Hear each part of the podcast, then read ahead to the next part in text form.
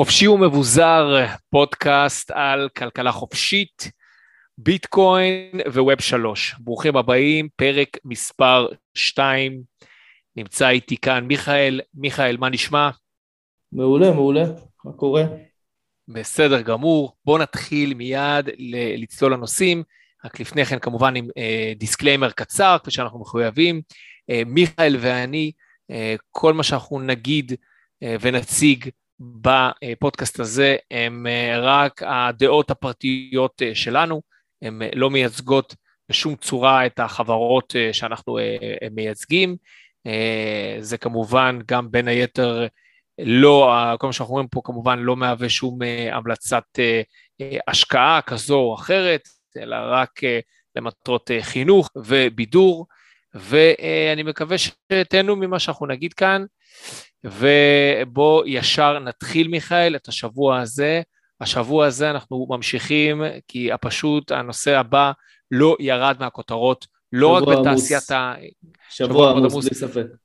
אז אנחנו, אה, השבוע אנחנו ממשיכים בדיוק איפה שנגענו בשבוע שעבר, עם קריסת בורסת FTX, בורסת הקריפטו הגדולה, סליחה, השנייה בגודלה בעולם, שהקריסה שלה גרמה להפסדים של בין 10 ל-15 מיליארד דולר לקרוב למיליון אה, משקיעים, עוררה באמת עדים, גלים ורעש, גם בשוק המטבעות הדיגיטליים, אבל גם בעולמות הבלוקצ'יין, אבל גם בעולם המיינסטרים, הרבה כסף מהעולם המסורתי הושקע שם, וכל ההתנהלות והצורה שבה דברים נעשו שם, אה, פשוט אה, יצאו מכל פרופורציה שאנחנו מכירים, והיה הרבה גלים גם השבוע, כל מיני אה, עדויות חדשות שאנחנו למדנו מאיך שהדברים התנהלו בפנים.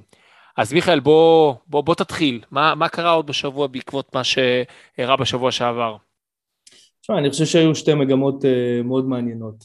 מגמה אחת זה התכלס, מה שמעניין את האנשים, שזה בעצם uh, קריסה של כמה וכמה חברות, ואני חושב שהשבוע החדש יביא עוד uh, בשורות לא טובות גם לחברות אחרות, uh, ואנחנו תכף גם נצלול ונדבר על הדברים, ועוד כל מיני משברי נזילות בחברות כאלה ואחרות, ובעצם שזה הכל איזה שהם אה, גלים, גלי משנה של הקריסה של FTX, אבל אי אפשר בלי פיקנטריה, כי הדבר השני שהיה, זה בעצם לאט לאט, כמו שמקלפים אה, בצל, מגלים אה, מה בעצם קרה שם, כן? ומה שקרה שם הוא, הוא, הוא פשוט לא ייאמן. זה תמיד אומרים בפוליטיקה הישראלית שתמיד מתלבטים בין פולישוק לבית הקלפים, אז זה היה גם וגם. כלומר, כלומר, מצד אחד איזשהו מנגנון אה, מאוד מתוחכם של אה, העברת נכסים בין אלמדה אה, לבין FTX וכל מיני מנגנונים של הסתרה ושל תרגילים חשבונאיים. מצד שני, דברים הזויים כמו למעשה העובדה שלחברה לא היה בעצם CFO מתפקד. חברה ששווה 32 מיליארד דולר, לא החזיקה מנהל כספים, אנחנו תכף ניגע בזה, אבל אני רוצה דווקא לגעת במה קרה השבוע. אנחנו ראינו, אני רוצה שיתייחס ספציפית על, אה, על העובדה שאנשים שהחזיקו ביטקוין בתוך אה, בורסות למיניהם, בכל סוגי הבורסות אה, שם בחוץ, נדבר שוב על הכי גדולות, פשוט נהרו עם הביטקוין שלהם לתור, לארנקים פרטיים. בוא, בוא, בוא, בוא ניגע אז, בחלק הזה, תרחיב לנו על זה. אוקיי, אז, אז זה, זה באמת אה, אה, מגמה מאוד מאוד מעניינת. תראו, בגדול, אנשים שמחזיקים אה, כסף, אה, זה יכול להיות ביטקוין, זה יכול להיות גם מטבעות אה, יותר ספקולטיביים, אנשים פשוט מבינים שהכסף שלהם לא מוגן יותר ב-Centralized Exchanges, בבורסות אה, מרוכזות, וזה בניגוד למחשבה שהייתה לפני כן. כלומר, תמיד היה מקובל לחשוב, אוקיי, הבורסות המרוכזות, הם, הם יודעים מה הם עושים, חלק מהם יש להם איזשהו סוג של רגולציה, זהו, האמון נשבר, ותאורטית גם כאלה שמתנהלים נכון, אה, האמון בהם אה, בעצם לגמרי אבד. ומה שאנשים התחילו לעשות זה להוציא את הכסף. עכשיו, להוציא את הכסף לאן? ואז אנשים נזכרו בעצם שיש מושגים כמו ארנקים non-custodial. רק נסביר, נפתח פה סוגריים. non-custodial זה אומר שבעצם מי שמחזיק בכסף זה הבלוקצ'יין, ולך יש גישה לזה, ולעומת אה, ארנק שנמצא בתוך בורסה, שזה בעצם לא באמת ארנק, זה בעצם יש לך איזשהו לוקר כזה, בתוך ארנק ענקי שמחזיק את כל הכספים של כל המשתמשים, וברצותם הם יכולים למשוך משם את הכסף שלך, כמו שראינו, וכמובן שזה דבר שהוא מאוד מאוד לא רצוי. אז אנשים בעצם נהרו לפתרונות ה-non-custodial מה שנקרא, ובאמת רגע, ראינו... רגע, custodial, שוב, בוא, בעברית, עברית, משמורן. משמורן. מה זה custodial? זה צד שלישי ש, אה, ששומר לי על הכסף. עכשיו, מה שקרה, ב, מה שקורה במציאות הזאת בעולם הקריפטו, זה שבתוך הבורסה, כשיש לך חשבון ואתה מחזיק שם את הביטקוין שלך, אתה לא באמת מחזיק את הביטקוין, הוא לא אצלך, הוא לא שלך, וראינו מה קרה עם FTX, כן, חברה שאיבדה אה, באופן רשלני בין 10 ל-15 מיליארד דולר של אה, משקיעים שהחזיקו שם את הקריפטו שלהם, את מטבע, המטבעות לא, הדיגיטליים שלהם. זה לא מאוד שונה מהמצב שלנו עם אה, כסף הפיאט שלנו, שאנחנו בעצם מחזיקים אותו בבנקים. ולבנק בעצם יש יכולת שליטה די מלאה על הכסף שלנו והבנק עושה עם הכסף הזה פעולות. למעשה הבורסות המרוכזות הם היו סוג של בנקים, אה, שוב בנקים לא רגולטיביים, בנקים גם עם הרבה מאוד בעיות ונדבר על זה, אבל ברמה הפרקטית מבחינת ה... מי המשמורן הם בעצם היו בנקים לכל דבר ועניין. מה שאנשים עושים היום זה בעצם מושכים את הכסף ושמים אותו מתחת לבלטה. אז הם בעצם מעבירים אותו למקום שבו רק להם תהיה גישה לכסף הזה, אה, בעצם לארנק אה, או קר או חם, אנחנו תכף נסביר על ההבדלים, אבל ארנק למעשה שרק להם יש גישה אה, לכסף הזה ורק הם יכולים לעשות עם הכסף הזה מה שהם רוצים.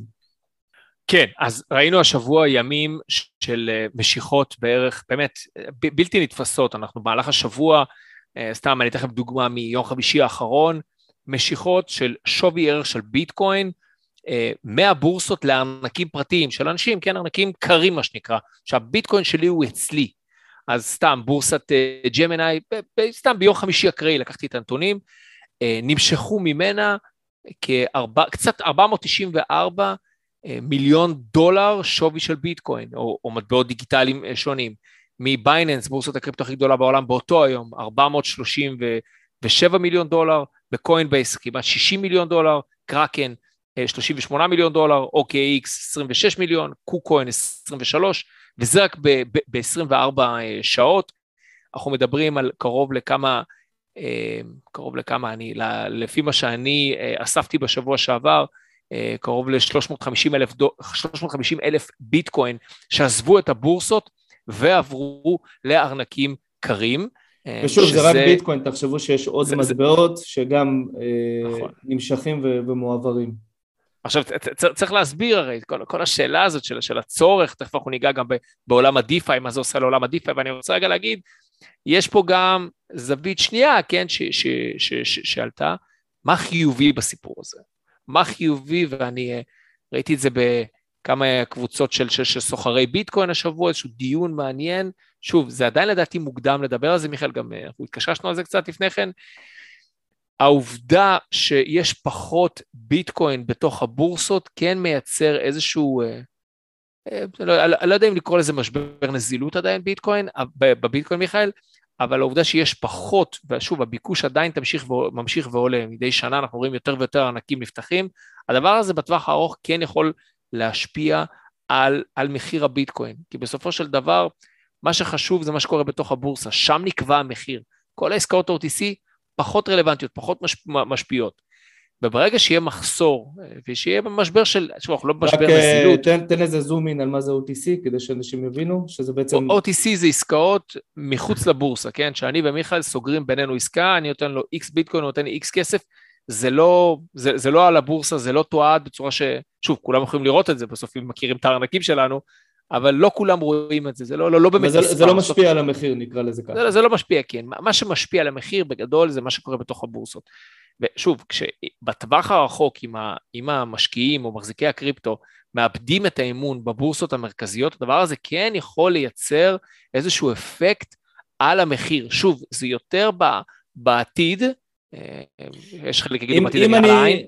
אם אני מבין אותך נכון, אתה אומר שלאור העובדה שהכסף הזה יהיה סוג של נעול, כלומר הוא יהיה בידיים של אנשים ואנשים ישבו על הידיים ולא ירצו בעצם אה, להזיז את הכסף הזה, אה, להבדיל מבורסה ששם זה הרבה יותר מתבקש שהם יסחרו בביטקוין הזה, אז בעצם אה, נוצרת סוג של נדירות, נכון? זאת אומרת הכסף הזה נכון. הוא סוג של נעול ואז בעצם הכסף שהוא נזיל, שהוא מסתובב וזמין לקנייה, הוא, הוא, הוא הרבה הרבה יותר מצומצם, נכון? אני גם מזכיר לך ש-70 אחוז בערך, 70 אחוז מה, מה, מהביטקוין שנקנה, שנמצא בחוץ, לא זז, הוא יושב בארנקים קרים גם ככה. רוב המסחר, רוב המסחר הוא על כמות מאוד קטנה של ביטקוין, כן?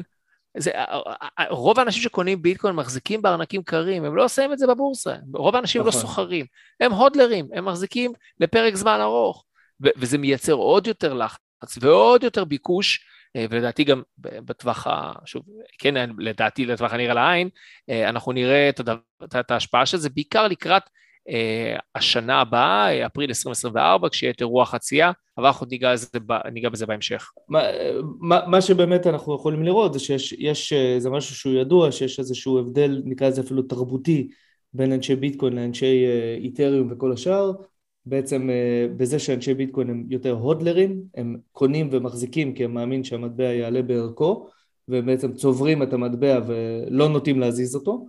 אה, ואגב הרבה מאוד מהביטקוין הזה שהיה בתוך הבורסות הוא בכלל שימש אנשי DeFi לטובת collateral אה, ולטובת כל מיני דברים אחרים.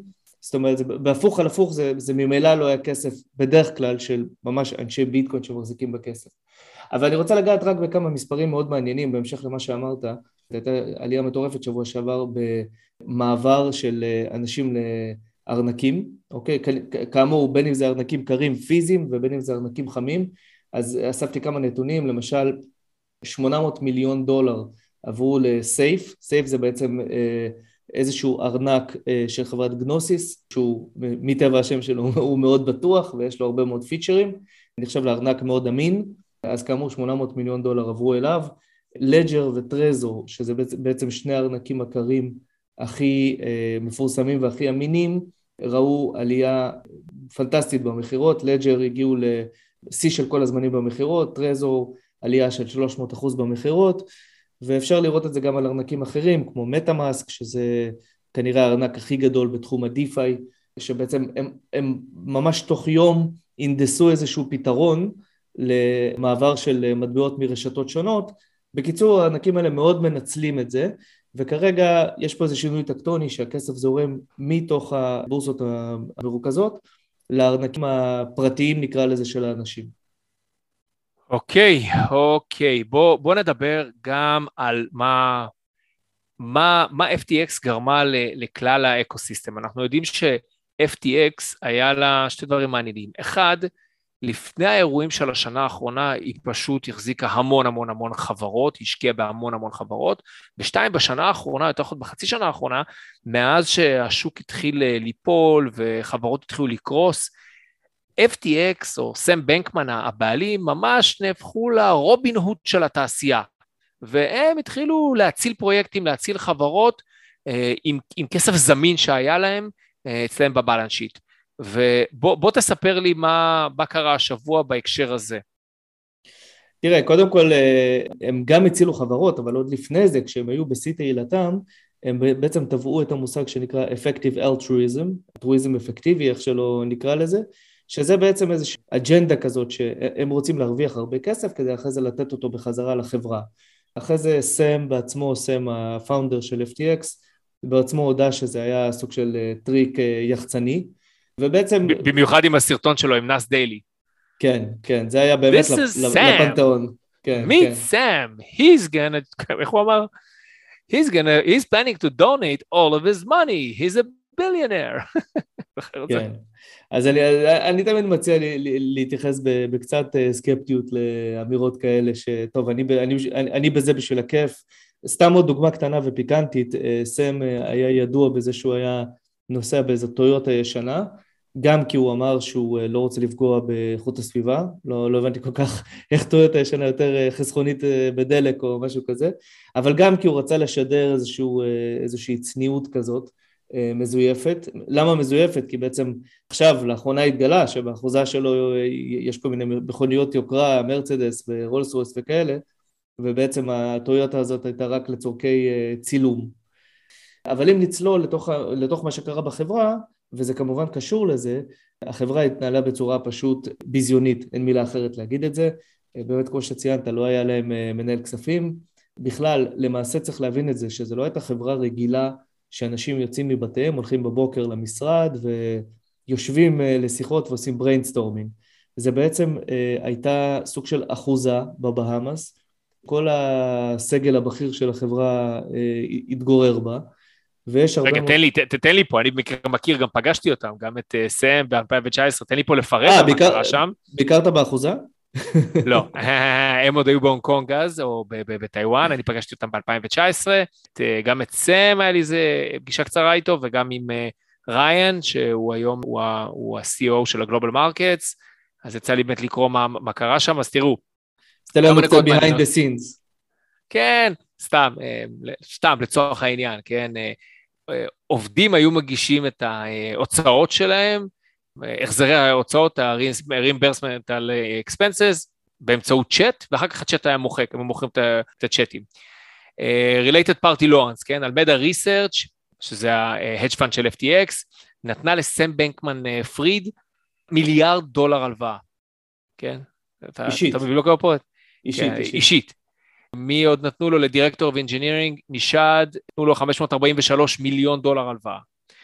Very few records were kept. Most decisions were made over chat with the messages auto automatically deleted after a certain time. שים לב, FTX, חברה שמוערכת ב-32 מיליארד דולר, מעולם לא קיימה ישיבת דירקטוריון, כן? וגם לא אף אחת מאותן 150-200 uh, uh, חברות שהיו תחתיה. שים לב, ל-FTX הגדולה, שניהלה כספי לקוחות של בערך מיליון לקוחות, לא היה מערכת לניהול קאש של החברה. כן, תחשוב כאילו כמה, זה, זה, זה פשוט שערורי איך שהם התנהלו. למעשה לא היה להם מושג, כן, באמת, כמה, כמה קאש יש בתוך החברה ואיך הוא זז ולאיפה. אה, גם לא היה רישום של, של, של העובדים. עד, עד היום החברה לא באמת יודעת להגיד לך כמה עובדים עבדו שם, איפה הם נמצאים, מי כל העובדים, וזה מעלה באמת, אה, אתה יודע, סימן שאלה, אם היה שם, אה, אתה יודע, מצג שווא של פייק של עובדים שלא באמת אה, היו קיימים. עוד, עוד נקודה מעניינת זה שבעצם הם היו מעבירים במיילים גלויים private keys. Private keys זה בסופו של דבר הגישה לכסף, זאת אומרת ממש המפתח לארנקים, שבחלק מהארנקים גם נשמרו כספי לקוחות.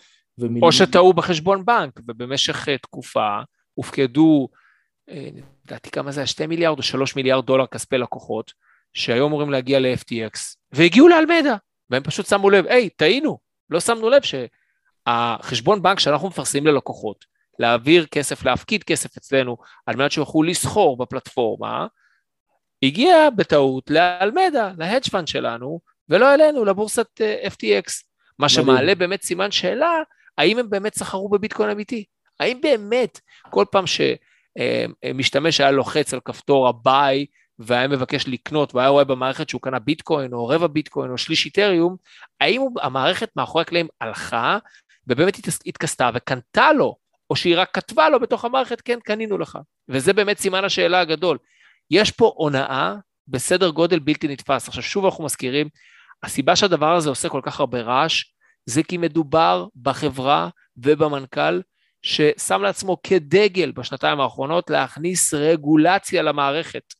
הוא זה שקידם, היה לו מסמך וחזון לקדם מול הרגולטור האמריקאי איזושהי הסדרה שכל אותם בורסה יעבדו תחת, כל, כל הבורסות האלה יעבדו תחת פיקוח, ולצורך כך היה התורם השני הכי גדול בקמפיין הבחירות של ביידן, אני אגב עשיתי איזה סרטון על זה שהוא היה באופן אישי תרם 5 מיליון דולר לביידן לקמפיין שלו, הוא היה התורם הכי גדול, והתורם השני הכי גדול היו ההורים שלו. כן? זהו, אז בנקודה הזאת, בנקודה, בנקודה הזאת יש עוד סיפור מעניין שעכשיו מתגלה, ששוב אה, אה, מנסים באמת לקבור אותו ולהגיד שזה תיאוריית קונספירציה, זה הנושא שבעצם אליזבת וורן, שהיא סנטורית אמריקאית, שהייתה גם מתמודדת, הייתה אמורה להתמודד לנשיאות, היא ברגע האחרון פרשה או הופרשה, היא למעשה הגישה איזושהי הצעת אה, חוק בנושא קריפטו, הצעת חוק מאוד מאוד מקיפה. עכשיו לימים התגלה שבעצם מי שניסח לה את הצעת החוק היה לא אחר מאשר אביו של אה, סם אה, בנקמן פריד. ופה בעצם זה, זה מעורר כרגע את כל השדים, כי מדברים על זה ש... אבל אומרים שבעצם זה הופך אותו לחסין, כי בעצם עכשיו ביידן בשלטון והמפלגה הדמוקרטית לא תמהר לבוא ולרדוף אותו. יש גם טענות לגבי אה, יחסים שלו עם ראש ה-SEC, בעצם הרגולטור ש, של הניירות ערך האמריקאי, ששוב, הדברים האלה יתבררו בימים הקרובים, אבל יהיה מאוד מעניין לראות כמה מהר, אם בכלל, ינקטו נגדו בהליכים פליליים. אני חושב שאם לא יתרחש שום דבר, אז אולי יש ממש בכל הטענות האלה. אה, בוא נדבר עוד על זעזועי המשך. אם, אם נסכם את כל הפרק של ההתנהלות של החברה, אז כרגע מונה לחברה אה, מנכ"ל בעצם זמני אחרי שסם אה, פרש, והמנכ"ל הזה בין היתר הוא התעסק בכמה וכמה חברות שאו הונו או פשוט התפרקו מסיבות של ניהול כושל, ביניהן גם אנרון שזה חברת אנרגיה שבעצם בתחילת שנות האלפיים, סיפור מאוד ארוך אבל בואו נגיד שזה גם היה איזשהו פיאסקו מאוד מאוד גדול והוא אמר חבר'ה תקשיבו אני התעסקתי עם הפירוק של אנרון ואני התעסקתי עם הרבה מאוד הונאות וחברות כושלות דבר כזה לא ראיתי וזה בן אדם שהוא באמת המומחה כנראה הכי גדול לרשלנות, הונאות ו- וכישלונות. בוא, מה קרה עם בלוקפיי? קודם כל בוא נספר על בלוקפיי. בלוקפיי אה, זה חברה בגדול להלוואות קריפטו, זו הייתה אחת החברות באמת הבולטות ב, בשוק השורי ב bull market של השנתיים האחרונות, של 2020 ו-2021. זו חברה שלמעשה הבטיחה אה, תשואה אה, על, אה, על הביטקוין שלך, שלכם, אפשר היה להפקיד את הביטקוין בתוך החברה הזאת ולקבל, אני זוכר, בממוצע 7 עד 8 אחוז שנתי. זה היה מטורף. והשבוע, או יותר נכון לפני כמה חודשים, הם קרסו, ומי שהציל אותם זה כמובן סם בנקמן. מיכאל, מה, תספר לי עוד על, אה, על הפשיטת רגל הזאת ומה מתגלה עכשיו מאחורי הקלעים. כן, מה שמתגלה עכשיו בעצם זה שהוא אה, ככל הנראה הציל את החברה הזאת גם כדי אה, לאותת שהוא חזק ושהכול בסדר, כי הוא כבר בא, בא, באותה תקופה הוא ידע שמגדל הקלפים שלו התמוטט, עומד להתמוטט, אבל הוא האמין שהוא יוכל לשמור אותו ביחד, והיה לו מאוד מאוד חשוב לאותת שהכל בסדר, ויש הרבה שמדברים היום גם על בייננס בהקשר הזה, שהם אומרים, אה, הם, הם הציעו להציל, להציל את FTX ואומרים אולי הם הבאים בתור, אבל זה ככה נושא צדדי. ובעצם הוא בא והציל את בלוקפיי, היום בדיעבד מבינים שהוא הציל את בלוקפיי כדי, אה, לפי הטענה, כן, להשתמש בנכסים שלהם כדי לכסות חובות של אלמדה ושל אה, FTX. היה גם איזשהו ציטוט של כמה עובדים בבלוקפיי שבעצם נאמר להם, חבר'ה, אנחנו השתלטנו על החברה, עכשיו פשוט תשבו בצד, ואם יש דברים שנראים לכם לא כל כך תקינים, אז פשוט תשתקו.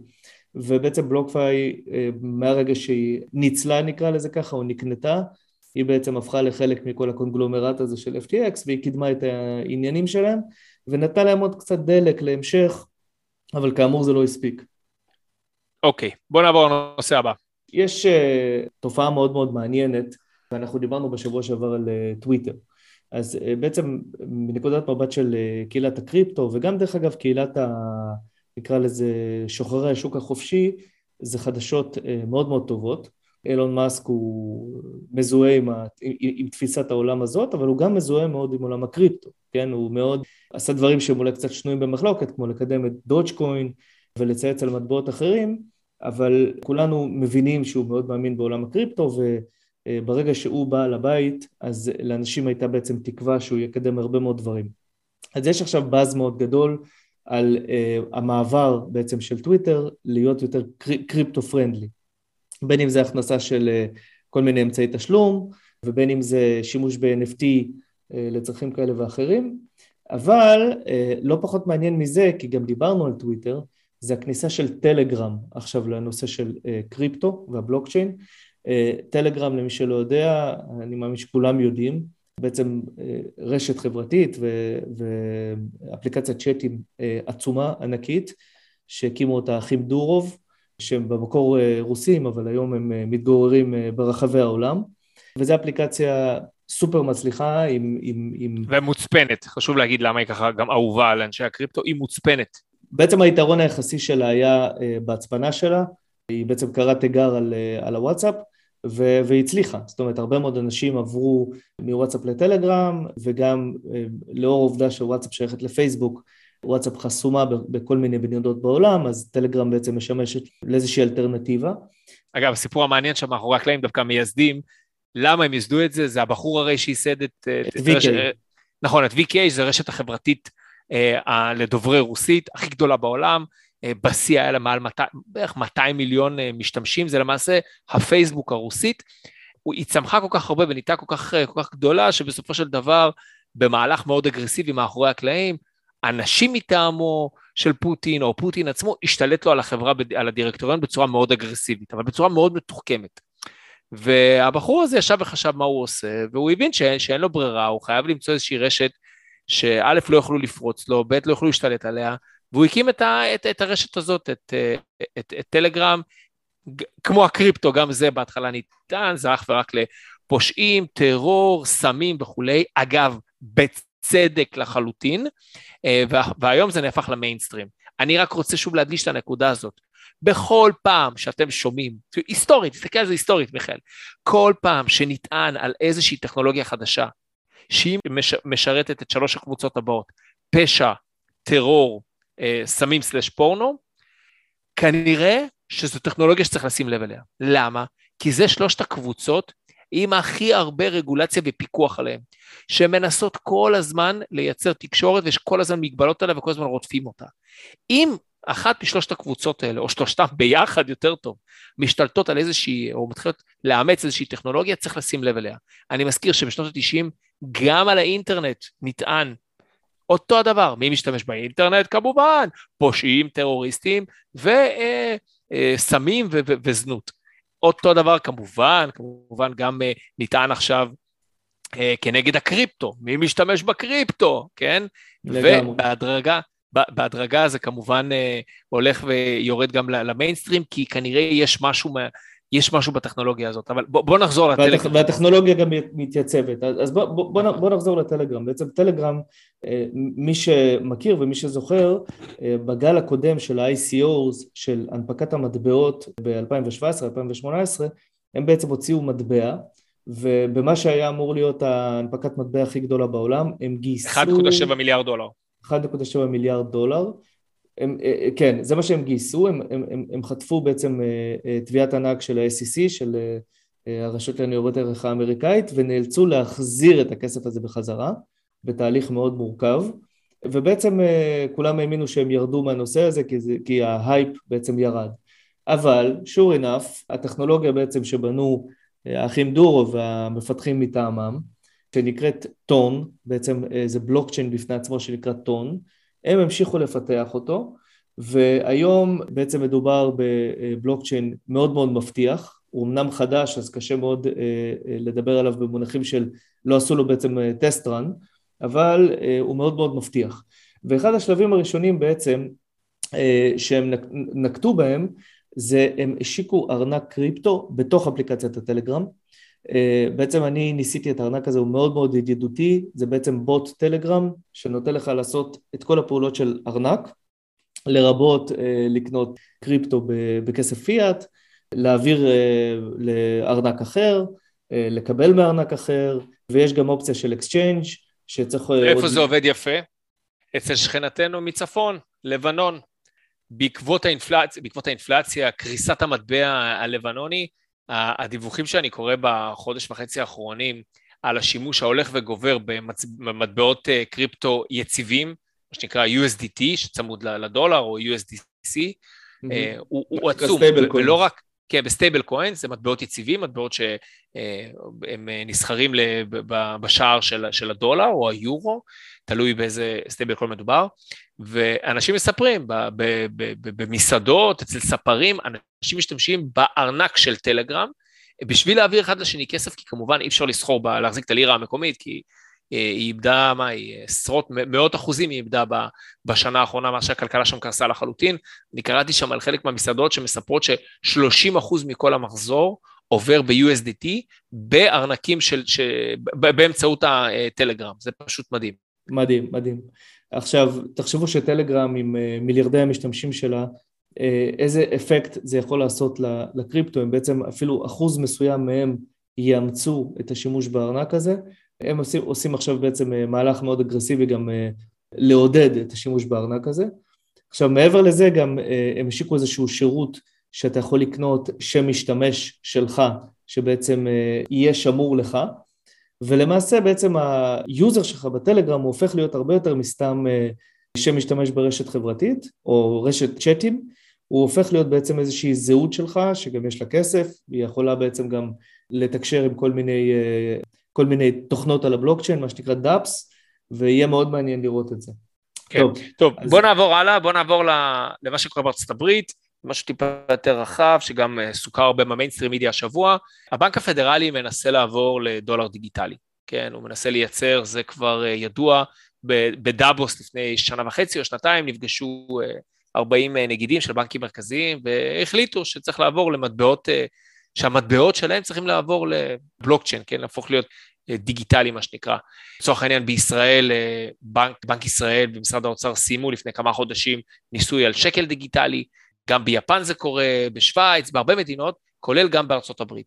הדבר הזה הוא, קוראים לו בגדול CBDC, חשוב, חשוב להרחיב עליו קצת, כי, כי, כי, כי הדבר הזה הולך להיכנס לחיינו מהר ממה שאנשים צופים. אז קודם כל, למה, למה דולר דיגיטלי? וזה, וזה נקודה חשובה. הדולר הדיגיטלי בסופו של דבר משרת לא את האזרחים, הוא משרת את הממשלות. הוא משרת את הממשלות, כי כבר היום דה פקטו רוב ההעברות של הכסף שאנחנו עושים, יותר נכון, 98.5 אחוז, הם בצורה דיגיטלית, תחשבו עליכם. כמה כסף בארנק מזומן, אנשים, כמה אתם מחזיקים?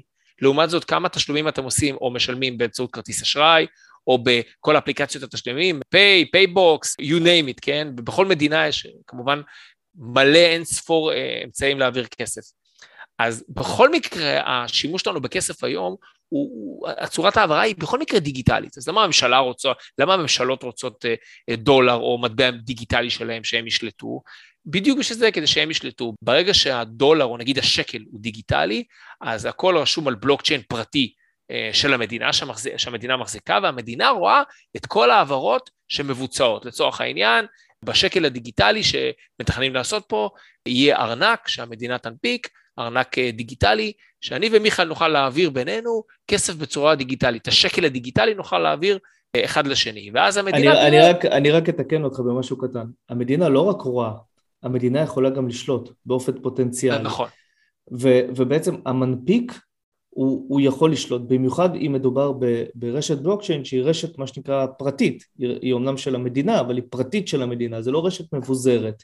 נכון, נכון. למדינה תהיה שליטה מלאה במה שקורה עם המטבעות, ולכן אם מישהו לא נראה לו טוב בעין, כן, יכול להיות מסיבות מוצדקות כמו מימון טרור, ויכול להיות מסיבות פוליטיות, כלכליות, אישיות, בעצם אה, יהיה אפשר לעשות בכסף שלו כל מה שרוצים, וגם במידע שלו לעשות כל מה שרוצים. אנחנו, אנחנו נצטרך להרחיב על זה, לדעתי פרק שלם בנפרד, הדבר הזה. שוב, רק אני אגיד שהטענות של המדינות הן נשמעות לכאורה תמיד טוב.